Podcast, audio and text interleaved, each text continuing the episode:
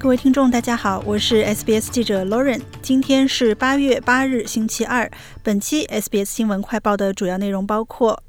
墨尔本八月七日夜空神秘火球的身份揭晓；十九名澳洲男子涉全球虐童网络被捕；澳大利亚总理表示希望下月与习近平会面；澳大利亚或迎全新的公共假期。澳大利亚航天局表示，八月七日晚上在墨尔本上空出现的光球是俄罗斯火箭部件重新进入大气层。维州和塔州的居民报告称，八月七日午夜前不久，他们看到了一道明亮的光线划过夜空，留下一条看似火焰的尾迹。一些目击居民认为这是一颗流星。而澳大利亚航天局八月八日在一份声明当中表示，这些闪亮的光影是俄罗斯联盟二号运载火箭的残骸。该火箭在八月七日晚早些时候发射升空。声明称，火箭残骸计划安全地重新进入大气层，并坠入塔斯马尼亚州东南海岸附近的海洋当中。弗林德斯大学的太空考古学家爱丽丝·戈尔曼副教授表示，大家看到的是该火箭的二级残骸。What the Melburnians saw was the second stage of a Russian Soyuz rocket, which had been launched yesterday. 墨尔本居民所看到的是昨天俄罗斯发射的联盟二号火箭的二级火箭残骸。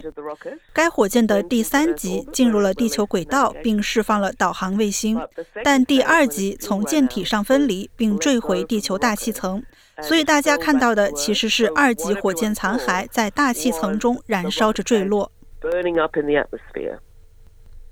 跨国调查人员在早前两名美国联邦调查局探员被谋杀后展开的一项针对暗网虐童材料的调查行动，揭发了一个布局精密的网络虐待儿童犯罪网的澳大利亚分支。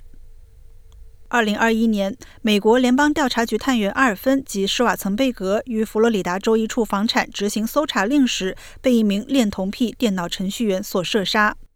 这名五十五岁的信息技术从业人员胡贝尔被怀疑是一个跨国虐待儿童网络的成员，但他在当局正式起诉前已自杀身亡。联邦调查局其后设立并领导了一项国际调查行动，主要针对一些制作以及在暗网分享虐待儿童材料的犯罪分子，其中也包括澳大利亚籍人士。而澳大利亚联邦警察局反儿童剥削中心领导的巴基斯行动，起诉了十九名涉嫌触犯虐待儿童罪行的男子，并救出了十三名儿童。联邦警察局指挥官施奈德表示，随着调查的继续，可能会有更多的犯罪分子落网。Viewing, distributing. 查看、分发和制作虐童材料是一种可怕的罪行。这个犯罪网络为了避免被发现而做出的精密布局，表明了这些犯罪分子有多危险。像这样的人逍遥法外的时间越长，意味着虐童罪行持续的时间就越长。这是一个复杂的网络。虽然我们已经指控了十九人，但联邦警察局和我们的合作伙伴不排除会做出与此事有关的进一步逮捕行动。澳大利亚总理阿尔巴尼斯表示，希望能在下个月出席在印度举办的二十国集团领导人峰会时，能与中国国家主席习近平会面。阿尔巴尼斯说：“与中国发展稳定的双边关系符合澳大利亚的国家利益。”他对中国在上周五宣布取消对澳大利亚大麦加征百分之八十点五关税的决定表示欢迎，称这是一年多的工作成果。据悉，阿尔巴尼斯上一次与习近平会面是在去年年底在印度尼西亚举行的 G20 峰会期间，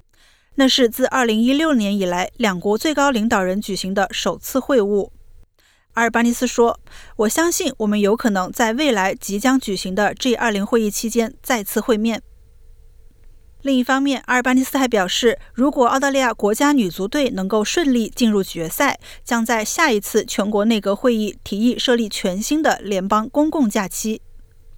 本周一晚，在女足世界杯十六强淘汰赛的比赛当中，澳大利亚队以二比零击败了世界排名第十三的丹麦队，晋级八强。而下一场比赛将对阵法国或摩洛哥。阿尔巴尼斯表示，如果澳大利亚女足能够一路晋级将于八月二十日举行的女足世界杯决赛，他将向所有州和领地的领导人发出个人呼吁，以为此设立公共假期。